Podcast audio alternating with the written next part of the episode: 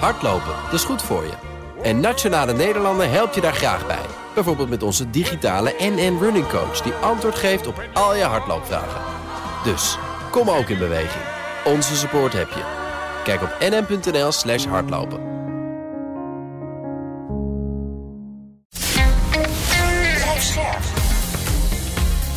BNR Nieuwsradio. Napleiten. Wouter Laumans en Christian Vlokstra. De verklaring van mijn cliënt was, hij begon te slaan. Hij sloeg mijn bril af en toen ben ik met sneeuw, sneeuwschep gaan slaan. Dat is het, eh, de lezing vanaf dag 1 geweest. Dat is een nood, eigen soort noodweer. Ja, en toen is er iets geknapt in zijn hoofd met- bij mijn cliënt. En is hij blijven doorslaan met die sneeuwschep. Totdat het slachtoffer op een gegeven moment zei, stop, stop, stop. Toen is hij gestopt.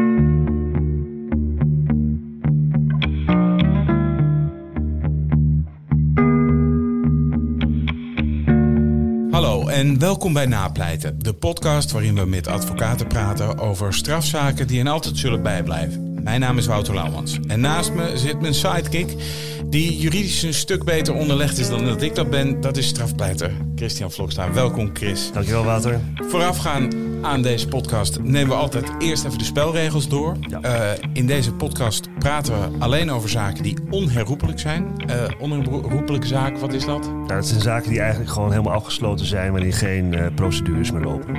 Goed. Van, en vanwege de zuiverheid behandelen we ook geen zaken waar jij als advocaat bij betrokken bent geweest. Nee, want de, de podcast heet wel napleiten. Eh, maar ik ga niet napleiten in mijn eigen zaken. Maar eh, de andere advocaten mogen napleiten in hun eigen zaken. Maar met name uitleggen waarom het een bijzondere zaak is en wat het met hun gedaan heeft.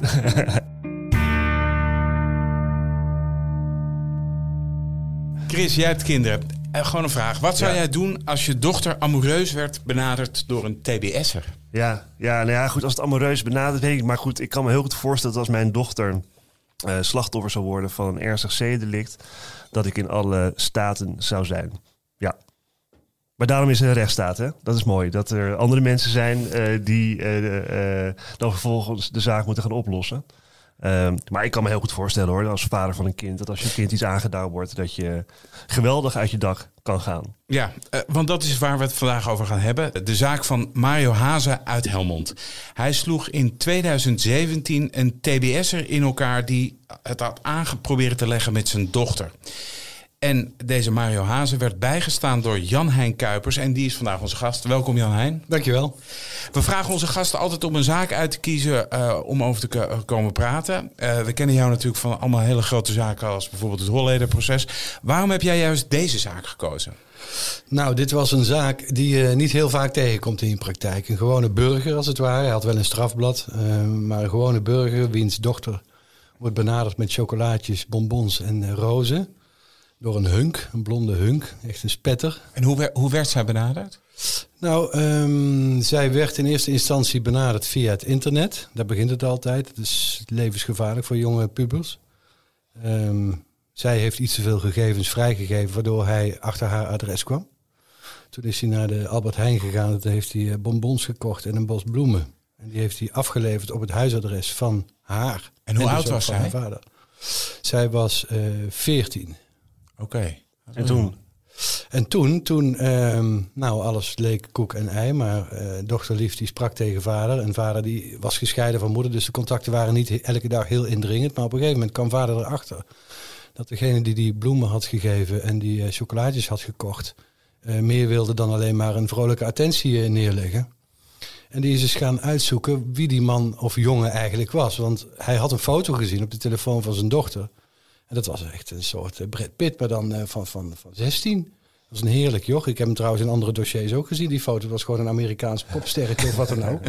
Maar in ieder geval, die foto die dook op. En die cliënt van mij, die, die vertrouwde dat niet. En die zag aan die doos bonbons en aan die bloemetjes... dat het van de Albert Heijn afkwam uit hun plaats. Hun plaats waar ze woonden. Maar even voor de duidelijkheid, want zijn dochter, had hij die, die, die bonbons in ontvangst genomen? Of hij had het gewoon afgeleverd? Hij had het afgeleverd en hij was Ja. weer weggegaan. Ja. En had hij dan ook nog, eh, los van dat, hè, want dat op zich, ja, het is natuurlijk schandalig hè, dat je bonbons en bloemen afgeeft. zou het niet hoeven. Nee, nee, zeker niet. Maar had hij dan nog andere dingen gedaan? Of had hij, eh, want er, was, er zou sprake zijn geweest van grooming, begreep ik. Ja, ja, hij wilde een soort van relatie eh, beginnen. Hè. En dat meisje was daar op zich best van gediend. Want ze zag natuurlijk die foto en ze kreeg die cadeautjes. Dus die trapte er vol in. Ja. Ja, wat wil je? Ik bedoel, zij werd, zij werd ingepalmd als een soort slachtoffer van een loverboy.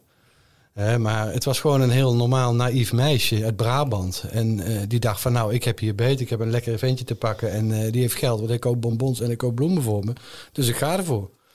Maar pa, die was, eh, ja, die was toch niet zo vertrouwd met het geheel als... Pa was wat beschermend. ja, die, was, nou, die vertrouwde het gewoon niet aan zijn water. Ja. En dat, dat was wel zijn redding. Want als dit verder was gegaan, was het totaal fout gegaan. Wat gebeurde er toen? Wat heeft hij toen gedaan? Een vader die is naar de Albert Heijn gegaan.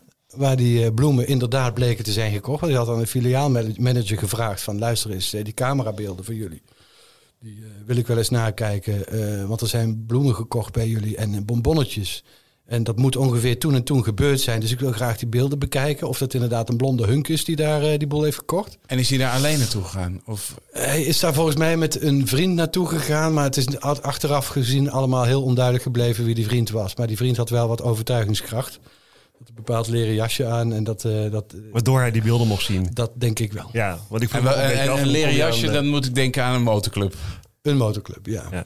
Nou, er zijn er vele van in Brabant, toch? Dus Daarom. dat kan, kan iedereen zijn. kan van alles zijn. Oké, Ja. goed. Ja. Dus hij gaat daar naartoe en die filia- filiaalmanager die laat die beelden zien.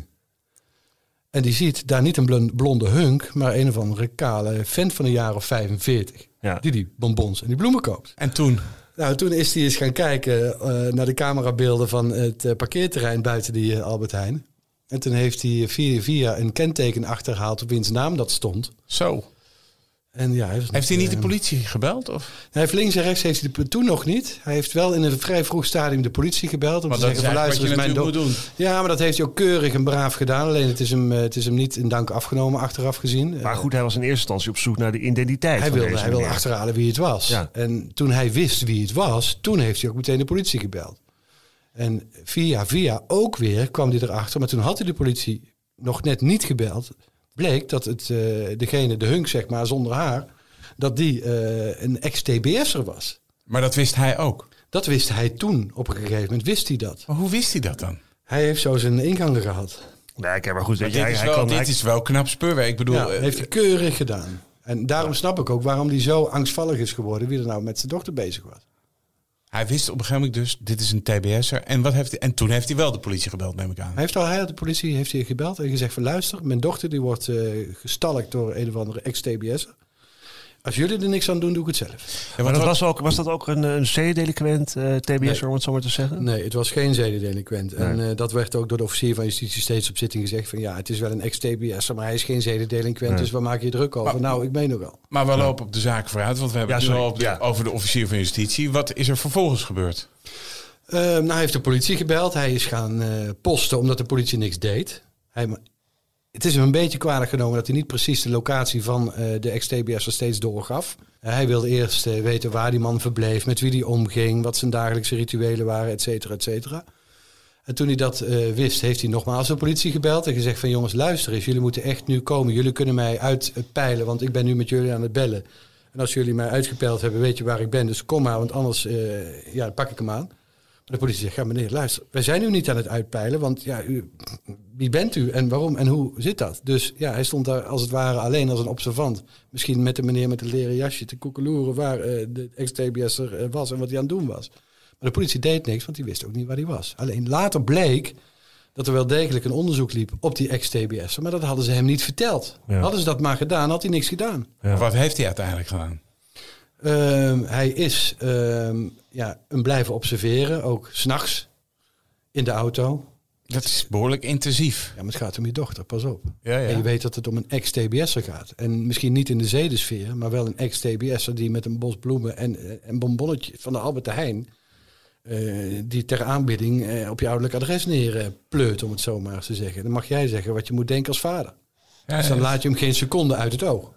Dat Maar- heeft hij ook niet gedaan. Maar met het doel om hem eh, om te wachten op de politie of om hem uit te leveren, aan te Of om houden. hem het elkaar licht te uit zijn ogen te stompen, Ja. om het zo maar eens te zeggen. Nou, Ja. dat laatste, dat, dat viel wel mee. Maar hij heeft hem in ieder geval geen seconde uit het oog gelaten. Hij heeft hem continu geobserveerd, dag en nacht. En hij heeft zijn gangen nagegaan. En hij heeft regelmatig de politie gebeld van... jongens, luister, doe nou iets. Anders doe ik het zelf. Zegt hij er ook gewoon bij. Staat ook op de meldingen. En toen? En toen eh, is hij op een gegeven moment terechtgekomen... middels een achtervolging... zonder dat het slachtoffer tussen aanhalingstekens... de ex-TBS'er dat wist... bij de Grote Beek in Eindhoven. Dat is een psychiatrische eh, inrichting waar die eh, ex-TBS'er nog wel eens langskwam. En op dat terrein heeft hij eh, op een een afstand van een meter of vijftig die man in de gaten gehouden. Heeft hij de politie gebeld en gezegd van jongens luister, als jullie niet binnen vijf minuten hier zijn, dan is hij van mij. Ik ben op het terrein van de Grote Beek in Eindhoven. Nou, toen kwam de politie natuurlijk heel snel, alleen ja, te laat, want er was al een vechtpartij uitgebroken. Ja, want eh, jouw cliënt die heeft eh, die man die hij dus al een tijd lang eh, in de gaten hield, Observeerde, s'nachts zelfs. ja, Ja. s'nachts observeerde, eh, in elkaar geramd met een schop. Nou, daar lopen de lezingen over uiteen. Kijk, Oké. Er zijn eh, op een gegeven moment verklaringen door mijn cliënt afgelegd vanaf moment 1. Want hij heeft zichzelf gemeld een half uur nadat het gebeurd was bij de politie. Heeft hij gezegd van luister, eh, ik heb hem met een sneeuwschep geslagen. Even één klein tussenvraagje. Want was jij toen al betrokken bij de zaak? Of Nee, nee, ik heb hem overgenomen van een piketadvocaat. Van een piketadvocaat. Ja. Nou, Ja, hoeveel, ja. ja, nou, hoeveel dagen, weken, hoe weet je dat nog? Redelijk snel na de in, in verzekeringsstelling nog. Oh, in de piketfase ook nog echt. Nee, nee, trouwens, na de inbewaringstelling. Inbewaringstelling. Ja, kort na de Maar inbewaringstelling. toen had hij al natuurlijk in de in verzekeringsstelling had hij al. eh Hij had eh, ja, hij had- moet eigenlijk weer een Ja, bijtje in, in hebben. verzekeringsstelling in bewaring Moet staan. ik heel even moet uitleggen, daar ben ik een beetje voor eh, Jan Ja, Heijn. eh, Lingo. op het moment dat je aangehouden wordt voor een strafbaar feit, dan, kun, dan kan de politie in de regel eh, je in verzekering stellen. Als Dan het- word je in de, eh, gewoon in de cel gezet. in de politiecel. En dat kan voor ongeveer drie dagen. Ja. eh, in negen uur of zo, maar goed, in ieder geval rond de drie dagen. Eh, en als ze je dan langer willen vasthouden, dan moeten ze je binnen die drie dagen voorgeleiden bij de rechtercommissaris. En, die, en dan heb je ook je advocaat bij en heb je een soort van begin van een dossier. En dan wordt er getoetst of er eh, voldoende bewijs is en voldoende reden is om iemand langer vast te houden. En Jan Heijn zegt nu, nou, ik heb hem eigenlijk overgenomen in de piketfase tijdens de inverzekeringstelling, dus nog voor de voorgeleiding. Maar ja, goed, dan heeft zo iemand wel verklaringen afgelegd zonder dat je daarbij betrokken was. Ehm, en daar waren we eigenlijk gebleven van. eh Ja, wat, hoe, hoe gaat dat dan? Werd- Word jij gebeld dan vanuit het politiebureau van joh, eh, help mij? Of hoe, hoe gaat dat dan? Nou, ik werd gebeld door de ex-vrouw van, eh, van meneer eh, Hazen. En die zei van, nou luister, dit is het geval. Wil jij mijn ex bijstaan? Want eh, dit gaat in alle geuren en kleuren dadelijk klappen geven. En eh, wil je dat doen? Ik zeg, nou, dat doen we wel. Ja, dat doe ik graag. Prodeo ook. dus op een gegeven Prodeo betekent... Want jij hoorde ook een beetje meteen wat er gebeurd Ja, was. en natuurlijk, die dacht, ja. dat, dat bevalt me wel. Alles ging opzij. Ja. Ja, zeker. Maar pro, Prodeo, Chris? Prodeo gefinancierde rechtsbijstand. Hè? Dus dat betekent dat Ja. de, de overheid jou... eh, jou Want die man had zelf geen geld. Nee, die had eh, niks, niks bijzonders. nee. Oké, goed. En, Nou. eh, en hoe was het slachtoffer er eigenlijk aan toe? Nou, het slachtoffer, die, die, kijk, de verklaring van mijn cliënt was... hij begon te slaan, hij sloeg mijn bril af... en toen ben ik met de schreeuw, sneeuwschep gaan slaan. Dat is het, eh, de lezing vanaf dag 1 geweest. dat is een nood, eigen soort noodweerverleer. Ja, en dus. toen is er iets geknapt in zijn hoofd met, bij mijn cliënt. En is hij blijven doorslaan met die sneeuwschep. Totdat, hij, eh, totdat het slachtoffer op een gegeven moment zei: stop, stop, stop. Toen is hij gestopt. Wordt ook bevestigd door één getuige. Er zijn Dat drie is of een en, is dat de man met de leren jas die, die dat bevestigt? Nee, nee, die is Oh, nooit ja, maar- meer eh, getraceerd. Oh, die, want die, heeft niet, oh, die was daar niet meer bij. Nee, die was daar niet meer bij. Oké, Nee, mensen, nee, die- daar heeft niemand over verklaard dat hij erbij zou zijn geweest. Oké. Dus, maar het slachtoffer die had eh, twee gebroken armen en een, snee van vijf centimeter in zijn hoofd. En dat is Oh. wel relevant, vond ik toen. Eh, en beschadigde benen, et cetera. Dus hij was er best erg aan toe. Ja, hij heeft even stevig toegetakeld. Ja. ja. Ja, je kan dat wel als zwaar lichamelijk letsel Zware, misha- zware mishandeling, toch? Nou ja, sowieso het letsel. Hè. We hebben het even over Ja. het letsel. Dat, dat is twee gebroken armen en heel veel letsel aan de benen en het hoofd. Dat kan je Ja, dat maar wat is een zware mishandeling en een lichte mishandeling? Wat is het verschil? Nou, het is heel eigenlijk in die zin heel simpel. Dat eh, mishandelen is gewoon iets doen hè, waardoor iemand anders pijn lijdt. En eh, eh, als iemand daar zwaar lichamelijk letsel aan overhoudt, dan is het zwaar mishandeling. En dat kan van alles zijn. Maar ik bedoel, zwaar lichamelijk letsel moet je wel echt denken aan een letsel waar je langere tijd voor Ja. nodig hebt om van te herstellen. En anders is het gewoon een mishandeling. Maar het kan ook, hè, waar het wordt eigenlijk vaak te lastig gelegd, in eerste instantie als een poging doodslag. was, dat of een poging ook, moord. was dat nu ook zo? Exact, dat is precies wat hier ook gebeurde. De poging doodslag had de officier te lastig gelegd. Die had gezegd, je hebt geslagen niet met een sneeuwschep, maar met een spade. Oh, En een Oh. spade is zo'n massief ijzeren stalen schep... waarmee je de gootjes voor de kabel eh, graaft, weet je wel. Zo'n Ja. rechthoekig, ja. hard, keihard ding. Omdat getuigen dat zouden hebben gezien. Van, Oh, en, eh, maar dat kan natuurlijk vrij simpel ehm, eh, ontkracht of, of- of- of- dan wel bevestigd worden. eh, doordat ze het eh, corpus delicti, zoals dat heet, eh, even tevoorschijn die was weg. Die, was, eh, die had eh, mijn cliënt ergens neergegooid, die sneeuwschuiver, en die was weg. Dus die is nooit gevonden. Maar hebben alle getuigen verklaard dat het een sneeuwschuiver was? Er waren er een stuk of drie, er waren maar vier of vijf getuigen bij, maar drie die zeiden het was een spade. En mijn cliënt zegt van ja, maar dat kan best dat ze dat hebben gedacht, want het was een omgeklapte aluminium sneeuwschuiver. Dat lijkt op een spade. Oké. Maar als jij op je knar geslagen wordt met een spade, met de zijkant, want er zat een snee van vijf centimeter Dat in het diepe hoofd. Jaap. Ja. Als je het met volle kracht, want dat had die cli- cliënt ook gewoon verklaard. Die had gezegd, ik sloeg met volle kracht sloeg ik op zijn armen en op zijn benen, maar niet op zijn hoofd. Maar als je dan zo'n sneetje hebt van vijf centimeter, de zijkant van de spade is je hoofd door midden. Ja, Toch? Ja. Met twee handen zou die hebben geslagen. ja. Dan sla je gewoon je schedel in twee. Ja. Ja, dat is wel grappig. Je kunt eh, in dit soort geweldsdelicten kun je soms het verweer inderdaad omdraaien. In die zin dat je zegt, oké, er is wel letsel aan het hoofd bijvoorbeeld. Hè? Want op het moment dat je, dat je slaat op een hoofd, hard slaat op een hoofd, dan zit je al snel aan een, eh, aan een poging doodslag. Ehm, maar omdat het- er is wel letsel, maar dat letsel is juist niet zodanig dat je ervan uit, hè, dat je ervan uit kunt gaan dat er hard geslagen is. Integendeel. En jij zegt nou, omdat er alleen maar snee was, dat is eigenlijk een contra-indicatie voor de, de stelling van het OM dat er hard geslagen is op het hoofd. En laat staan met de spade. Het is meer een afge, afgeweerd, eh, een, hè, een ricochet van een, van een sneeuwschep. Iets Ja. scherps. Snap je? Ja, ja. Ja. Hey, en was er nou, want ik begrijp deze zaak, dat is, een, dat is, eh, wat, eh, is de boeken ingegaan als de zaak van de wraakvader. Ja. Eh, en als je daarop googelt, dan zie je mm, heel veel media was, publicaties. Was dat eigenlijk vanaf dag één al zo dat deze zaak heel veel aandacht kreeg? Op het moment dat duidelijk werd hoe het verhaal in elkaar zat, was het echt niet meer te houden. Vooral in Brabant. Echt, de, de kranten stonden er toen bol van. Maar hoe kwam dat dan eigenlijk? Want ik bedoel, ja, Nou, weet je, weet je hoe het denk ik kwam? Omdat het zo voorstelbaar is wat er was gebeurd voor Jan en Alleman. Iedereen die een zoon of een dochter heeft waar een of andere rare ex-TBS'er mee aan de gang gaat, ja, die voelt aan zijn water dat dat falikant fout kan gaan. Ja. En iedereen kan zich daarin inleven. Dus iedereen had er aandacht voor. En ik heb ook nou, wel honderden mails gekregen van mensen die, die steunbetuigingen gaven voor onze Mario. En, en zeiden van nou, hij moet geen dag zitten, hij moet vrijgesproken worden. Ik zou het ook doen, maar nog veel erger. En dat soort steun. ja, Brabant stond erachter. ja. Alleen, dat mag niet. Het mag natuurlijk niet, nee. nee. En dan, oké, dus eh, eh, duurde het lang voordat die zaak voor de eerste keer op zitting kwam? Hoeveel zat er? Drie maanden? Of hoe? Volgens mij een maand of zes. Er moesten eerst wat getuigen worden gehoord bij de rechtercommissaris. En eh, de mensen die zeiden dat hij met de spade had geslagen... en dat hij op een hoofd, op, richting het hoofd zou hebben geslagen... die zijn allemaal gehoord. Maar moest hij al die tijd blijven vastzitten? Eh, ja, in die tijd zat hij nog eh, vast. Serieus? Ja, ja, hij bleef vastzitten. Vind je dat gek, Chris? Eh, ja, want ik zou in principe eh, denken dat er geen... Hè, je moet altijd eh, voldoende bezwaren hebben, voldoende bewijs hebben. Nou, dat zal er misschien al wel zijn geweest. Hè, los of het uiteindelijk voldoende is voor een poging doodslag.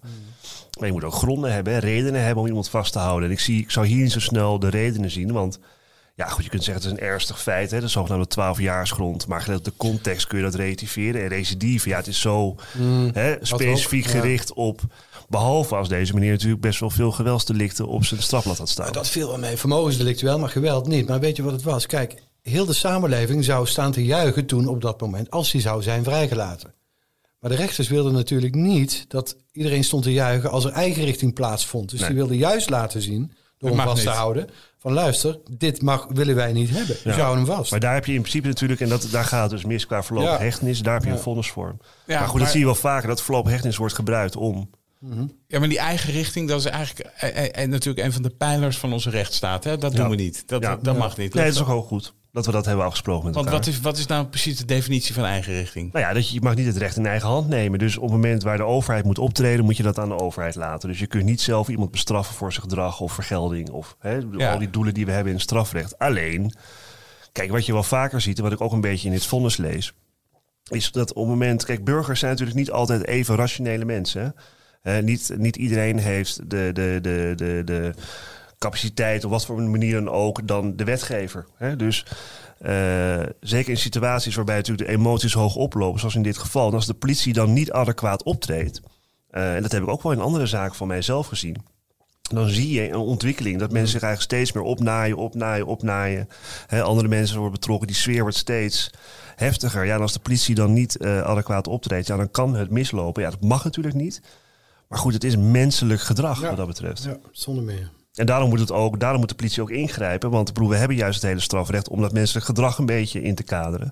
En dat betekent dus ook dat de politie moet ingrijpen op het moment dat, ja, dat het er naar uitziet dat menselijk gedrag ga- gaat leiden tot dit soort eh, geweldsincidenten of erger. Ja, precies. Want dat, dat is het enige wat ze hier hadden moeten doen. Heb ik ook betogen destijds. Van als jullie nou hadden gezegd dat er een onderzoek liep op die ex-TBS. Want hij was met, ook met andere meisjes bezig. En niet alleen met het, eh, met het dochtertje van mijn cliënt.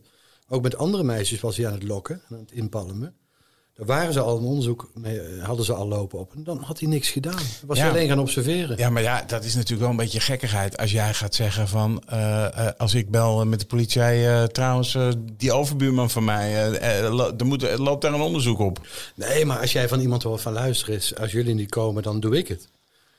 Ja, dan, dan kun je misschien een klein vliegetje oplaten via de wijkagent van Mario. Wacht maar even, het komt goed. Ja, kijk, wat ze hadden moeten doen. Kijk, als ze door hadden dat deze meneer een beetje uit zijn dak aan het gaan was, langzamerhand.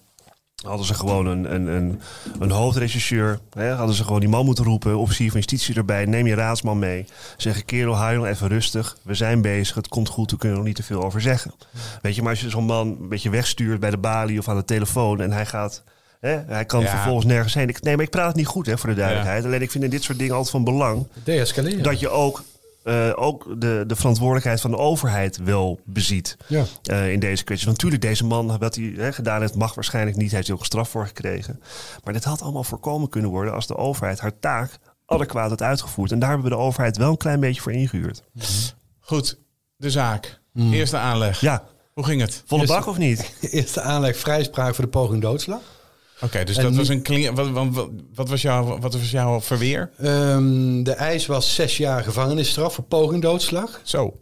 Ik heb gezegd van nou, er is totaal geen opzet, ook niet voorwaardelijk. Dus dat je de kans neemt op de dood door je handelen eh, eh, van Mario richting dat slachtoffer.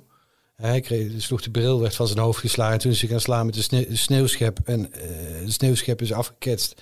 Heeft hij een snee van vijf centimeter. Ja, en hij heeft hard geslagen. Die armen zijn gebroken. Maar dat groeit wel weer aan elkaar. Maar eventjes, mag ik even vragen, hoe was, hoe, want ik bedoel, eh, het stond groot in het, in het nieuws daar. Dus ik neem aan de rechtbank Den Bosch. Rechtbank Den Bosch, ja. Volle bak eh, zaal. Ja. Maar hoe ging die behandeling? Hoe, hoe benaderde die rechtbank hem? Ja, de rechtbank deed keurig. Ja. Heel keurig, heel klinisch en heel netjes. Niet, niet in de zin van, nou, we snappen jou of we snappen jou niet. Gewoon, Nee. ze stelden hem vragen om eh, uit te vissen of hij nou wel of niet op dat hoofd Ja. heeft willen slaan en, en ook waarmee. Ja. Dat deden ze echt keurig. En eh, uiteindelijk hebben ze gezegd, nou, wij zien niet in dat jij eh, die man dood hebt willen slaan. We weten niet of het een spade of een sneeuwschep is, maakt ook niet uit.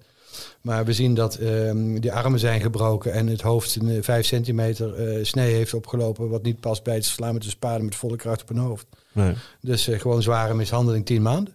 Oké. En wat dacht jij toen strikt eromheen? Strikt eromheen een uh, hup uh, Maar maison. want- het Openbaar Ministerie had zes jaar geëist. Zes jaar, ja. Dat was ook rijkelijk overdreven. Maar die zaten er dan echt wel met twee benen in, zeg maar. Ja, maar dat is in Den Bosch vaker, hè? Is dat zo? Ja, ik ben niet zo heel vaak in Den Bosch. Den dus. Ja, dat is, eh, die gaan naar fors in. Dat eh, deden ze toen ook. Ja, Dus ze gingen ook gierend en, en, en huilend in hoger beroep. ja. Had je hol. aankomen? Ja, als je zes een jaar, van eh, zes, zeker als je een eis zes voor zes jaar neerlegt en je hoorde ook de toon van de officier van justitie in die zaak toen daar, dan eh, kon je bevroeden dat ze een hoger beroep zouden De regel is altijd een beetje, eh, althans zoals ik hem altijd eh, een beetje geleerd heb, is dat als het Openbaar Ministerie eist een bepaalde straf, een x-straf, en de rechtbank gaat er meer dan een derde onder zitten, dat ze eigenlijk al, eh, dat dat een soort kantelpunt is dat ze in hoger beroep gaan vanwege de strafmaat. Dat herken je wel. eh. Ja. En dat gebeurde dus nu ook. En was jouw, was, je- want jouw cliënt was neem ik aan in eerste, ja, wat, wat dacht hij? Vond hij het goed wel zo? Of? Ja, die, die, die, die snapte in eerste instantie niet waarom hij niet eh, had mogen slaan, omdat hij zelf werd geslagen. Maar dat heb ik hem uitgelegd. Dus hij vond het best eh, tien maanden. Uiteindelijk, omdat hij heel vrij snel zou loskomen. En eh, dat gebeurde later ook. Maar ja, het heeft niet zo mogen zijn uiteindelijk. Want toen ging het OM in hoger beroep. Ja. En dat toen, duurde ook weer even. Er was een tijd in de fasering. Hij was al buiten. Alles ging goed. Fasering. Stond, eh, heel even. Wat is fasering? Nou ja, als je een straf hebt, hè, dan eh, bijvoorbeeld tien maanden, ja, dan ga je op een gegeven moment krijg je eh, vrijheden en verloven in een penitentiair programma om weer terug te komen in de samenleving. Ja. Hè, de resocialisatie. Eh, dat gaat middels facering. Oké, en daar zat jouw cliënt dus al in. Ja, ja. maar op een of andere manier hebben, heeft het Openbaar Ministerie die zaak best snel, relatief gezien, bij het Hof gekregen. Maar hij was al lang vrij. Hij kwam ook via de voordeur met mij naar binnen op de regiezitting bij het Hof, et cetera. En eh, nou, toen ging de zaak in hoger beroep lopen. En toen? Toen heb ik eh, gevraagd om een eh, nieuw rapport of een naderrapport van het NFI. Om te vragen aan het NFI: wat gebeurt er als je met de zijkant van een spade met twee handen boven je hoofd neerslaat op een hoofd? Wat, is dan de, wat gaat er dan gebeuren met een schedel? Nou, dat was redelijk duidelijk wat er dan zou gaan, gaan gebeuren. Die? Die splijt als een meloen uit elkaar. Ja. En eh, toen zijn we naar het Hof gegaan. Inhoudelijk. En hoe ging die zitting? De zitting op zich ging goed. En, Waarschijnlijk eh, veel minder aandacht of was er nog steeds Ja, dat is altijd. En hoger Ja, beroep heb je altijd veel minder aandacht. Ja. Op zich in zo'n zaak was dat ook best oké, weet je. Ja, ik vind het zelf altijd ook wel een beetje lastig. Zeg ik eerlijk, ik weet niet hoe jij het Min- minder aandacht in hoger? Nou, niet minder aandacht, maar meer dat je... ja, ik haal heel erg van aandacht. Meer, Volle meer. tribunes. Nee, waar het mij meer om gaat is dat je... Ik weet niet of je dat herkent, dat je soms in eerste aanleg... Hè, heb je er alles aan gedaan. Prachtig resultaat. Weet je, dat je denkt, oké, en dan Dat gaat eigenlijk de eerste helft. En dan gaat het alleen met hoog beroep, weet je. En dan moet je dat nog een keer doen, maar dan zijn de omstandigheden heel anders. Weet Ja, je, dan is het ja. op de ene manier dat het dossier is een beetje ingedaald. Het hof zit er heel anders in, weet je. Er is niet meer de, de, de spanning van zo'n eerste aanleg. Pers is veel minder. dat is Eh, waar, ja. Dus het gaat me niet zozeer om de aandacht, maar wel om de omstandigheden waardoor je de denkt... wedstrijdspanning. Nou ja, en waardoor je dus ook het- moet oppassen dat je niet denkt kat in een bakkie. Want dan kan je dus zomaar Nee. eh, de deksel op je neus krijgen in hoger beroep. nee, de- de wedstrijd is nooit gewonnen totdat, eh, hè, weet je. Maar inderdaad, wat je, wat je zegt snap ik heel goed. Je moet die, die druk, die omgeving, die spanning hebben om een zaak zoals bijvoorbeeld deze, maar ook veel andere zaken, om die hetzelfde te kunnen doen als bij, het, bij de rechtbank. Bij de rechtbank, ja. Ja. ja. Ja, maar ja, het Hof deed het ook eh, inhoudelijk eh, keurig. Ze hebben hem vragen gesteld. Ze hebben hem voorgehouden waarvan ze dachten van... nou, hier zijn vragen over. Bijvoorbeeld die getuige die zei dat er met de spade was geslagen. Die stonden 100 meter verder van... ja, hallo, ik bedoel, eh, spade of sneeuwschop. Wat, eh, hè? Ja. Maar toch uiteindelijk vond het Hof dat eh, die, spade, die sneeuwschop toch een spade was. Oké. Dat kan, want je kunt shoppen in de verklaringen. En ze vonden ook dat hij ehm, heeft geslagen op het hoofd of richting het hoofd. Dat hij niet heeft gewild dat de slachtoffer kwam te overlijden, maar dat hij wel richting het hoofd heeft geslagen. Dus dat hij het risico wel heeft genomen dat het slachtoffer Ja. had kunnen overlijden. Ja, niet dat hij het heeft gewild, maar wel, door de zo te slaan met die spade. Want dat was inmiddels al vastgesteld eh, dat hij poging doodslag heeft gepleegd. Maar niet met voorbedachte raden. Dat had de rechtbank wel geoordeeld, voorbedachte raden. Want hij ging er naartoe en hij ging observeren. Ja, ja. Het Hof zegt, nee, daar gaan wij niet in ja, mee. Een aantal Nee. keer gedreigd natuurlijk dat hij misschien wat zou gaan doen. Ja, Ja. dat kon je wel zeggen. Ja. Ja, en dat was natuurlijk eigenlijk voor jou was dat natuurlijk jammer. Ja, op zich, kijk, hoe ze het kwalificeren maakt mij niet zo heel veel uit. Alleen de straf de was eh, gigantisch. Die ging naar vier jaar. Zo. Van tien maanden naar vier jaar. Dus heel even voor mijn begrip, dan loop je met een cliënt eigenlijk de rechtszaal in. Ja, En die rechtszaal gaat, dus als vrijman gaat hij naar binnen. ja, En als gedetineerde gaat hij er weer uit. ja. Wat doet dat met zo'n klant? Wat, wat, wat, wat doet dat met een cliënt? Nou, die was uitermate verbaasd. Hij vond tien maanden al veel. Maar die vier jaar was natuurlijk helemaal, eh, helemaal niet te begrijpen voor hem. Toen ging hij weer terug naar Vught. Toen kwam hij destijds vandaan. Nou, de, de, de champagne ging open. De, vling- de slingers werden opgehangen. Hij, Mario was er weer. Zo was het echt. In de gevangenis. In, in, in de gevangenis. De, de huis van bewaring. Want er is een cassatie gegaan ook nog. Ja. Maar eh, de Moest bewaarders... hij meteen weer naar eh, binnen ook, bij arrest? eh, Weet je dat nog? Ja, hij moest meteen naar binnen. Oh, wauw. Ja. Ja. dat is heftig hoor. Dat is heftig. Ja. Ja. Maar hij heeft, ja, het, het klinkt misschien heel raar en hij heeft best lang moeten zitten. Twee jaar en acht maanden toen nog. Minus een derde, vier jaar. Maar eh, ja, hij had alleen maar vrienden. En iedereen vond, vond hem een held. ja. Kijk, het mag niet wat hij heeft gedaan, maar ik snap wel dat als je in een bias zit en je ziet waar iedereen van verdacht wordt en je Ja. komt daar binnen als, als iemand die eh, de, ja, de lokker van je dochtertje heeft, eh, heeft geslagen, ja, dan ben je gewoon een held daar. Dus heel moeilijk het heeft hij het niet gehad in die bias. Nee, nee. Maar ja, goed, weet je, tegelijkertijd, eh, nu heb je natuurlijk de pedojagers, hè, Ja. eh, die zaken. Eh, Het ligt natuurlijk iets anders. Hè. Het zijn mensen die niet zozeer zelf slachtoffer zijn, Nee. maar zelf hè, actief op zoek gaan naar vermeende daders van pedos, hè, pedoseksuele delicten. Mm. Eh, kijk, het, het is wel. Kijk, ik vind, het, vonde- ik vind het arrest van het Hof vind ik ook best wel heftig als het gaat om Best, de strafoplegging. Hè? Ja. Ik bedoel, Ja. je kunt best zeggen, hey, wij willen dit zwaarder bestraffen in die 10 maanden. Hè? Maar dan kan je ook 24 maanden opleggen. Ik bedoel, je hoeft niet meteen 4,5 jaar of 4 jaar op te leggen. Ja, dat is heel ver. Eh, Had jij er de, maar had jij, hoe, loop jij eigenlijk dan zo'n rechtszaal uit? Heb je dan de pest erover in? Heb je dan zeg, Ja, want ik, was, ik ga nooit naar uitspraken toe, want je kunt niks meer doen. Je mag niks meer zeggen, et cetera. Maar ik was bij de rechtbank naar de uitspraak gegaan, maar ook bij het hof.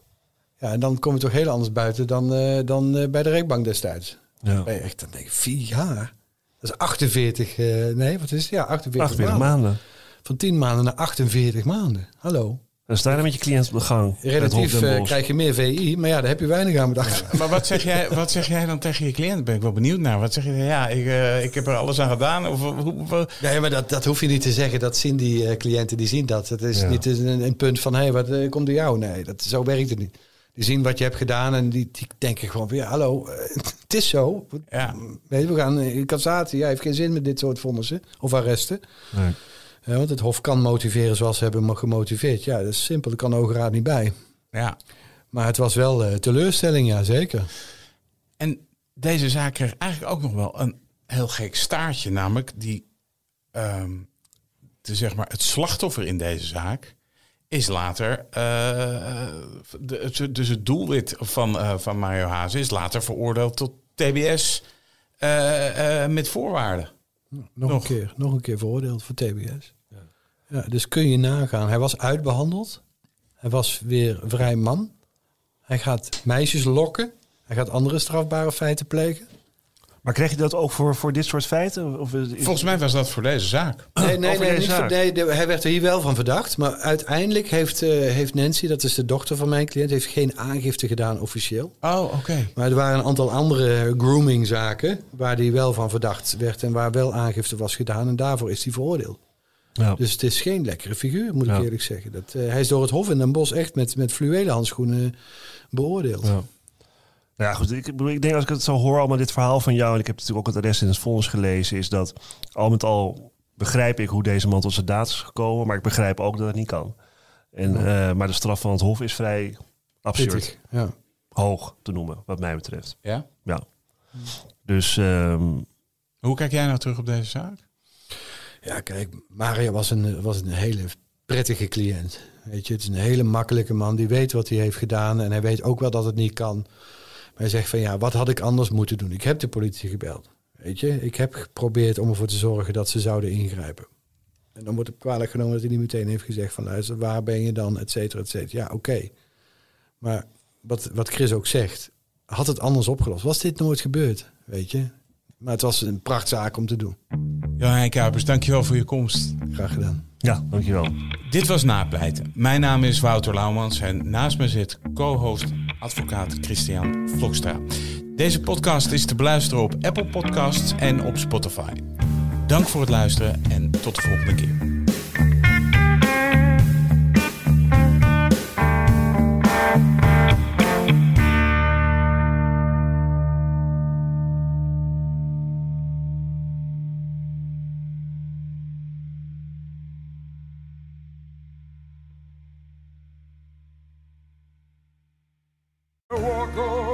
Hardlopen, dat is goed voor je. En Nationale Nederlanden helpt je daar graag bij. Bijvoorbeeld met onze digitale NN Running Coach... die antwoord geeft op al je hardloopvragen.